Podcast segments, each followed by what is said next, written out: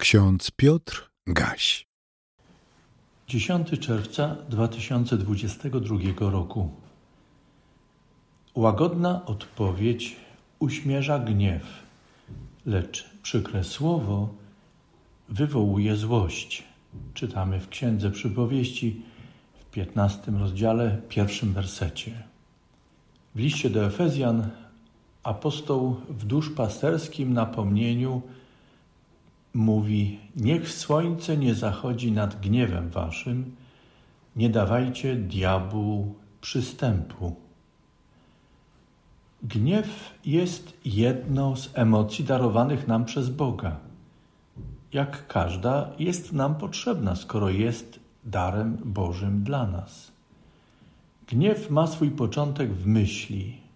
Ta budzi także reakcje fizjologiczne, między innymi przyspieszone tętno, szybszy oddech, rumieniec na twarzy, na szyi, pocenie się. A finalnie uzewnętrznia się w zachowaniu, na przykład w natężeniu głosu, gestykulacji, mimice twarzy, treści wypowiedzi. Skoro myśl jest początkiem gniewu, Gniew powinien być jej poddanym. Myślenie powinno panować nad gniewem, dominować nawet w sytuacji gniewu. Tymczasem z tym dominowaniem, panowaniem myślenia nad gniewem bywa różnie. Kiedy zabraknie myślenia, gniew zmienia się w porywczość, brak opanowania, złość we wściekłość. Te też wywołują reakcje fizjologiczne, a potem także uzewnętrzniają się w zachowaniu. Wówczas atmosfera robi się nieprzyjemna, ponura, a nawet niebezpieczna. Może dojść nawet do przemocy. W natchnionych pismach czytamy zarówno o gniewie, jak również o porywczości, braku opanowania, wściekłości, agresji i stwarzaniu zagrożenia w różnej formie, także przemocy. Bądźmy uważni w trakcie czytania Biblii. Zwracajmy uwagę na kontekst, żebyśmy poprawnie odczytywali biblijny przekaz, zarówno ten o gniewie, jako emocji wyrażającej dezaprobatę, sprzeciw, jak również ten o wyłączeniu myślenia w sytuacji wielkiego pobudzenia, wściekłości, agresji. Historia Kaina opowiada o gniewie, w którym zabrakło refleksji. W rezultacie gniew przerodził się we wściekłość, agresję.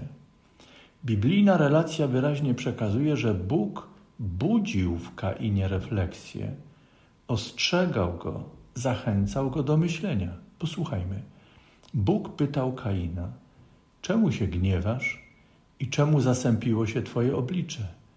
Wszak byłoby pogodne, gdybyś czynił dobrze, a jeśli nie będziesz czynił dobrze, u drzwi czyha grzech, kusi cię, lecz ty masz nad nim panować.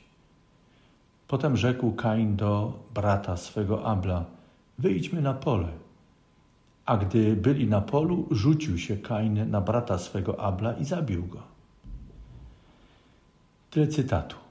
Wiemy, że smutne w tej historii było także to, że Kain po popełnieniu przestępstwa przeciwko Ablowi i przeciwko Bogu nadal był zaślepiony w swojej wściekłości. Czytamy. Wtedy rzekł Pan do Kaina: Gdzie jest brat twój Abel? A on odpowiedział: Nie wiem. Czyż ja jestem stróżem brata mego? Kochani, myślenie Kaina owładnął mrok, zły duch. Nie dostrzegał więc zła w swoich zamiarach, odrzucił Bożą podpowiedź, aby czynił dobro i tym samym, aby sprzeciwił się złu. Włączmy nasze myślenie Czytajmy uważnie historię Kaina i Abla. Ona niesie ponadczasowy przekaz. Posłuchajmy duszpasterskiego napomnienia apostoła Pawła. Niech słońce nie zachodzi nad gniewem waszym, nie dawajcie diabłu przystępu. Skorzystajmy również z podpowiedzi mędrca. Łagodna odpowiedź uśmierza gniew, lecz przykre słowo wywołuje złość.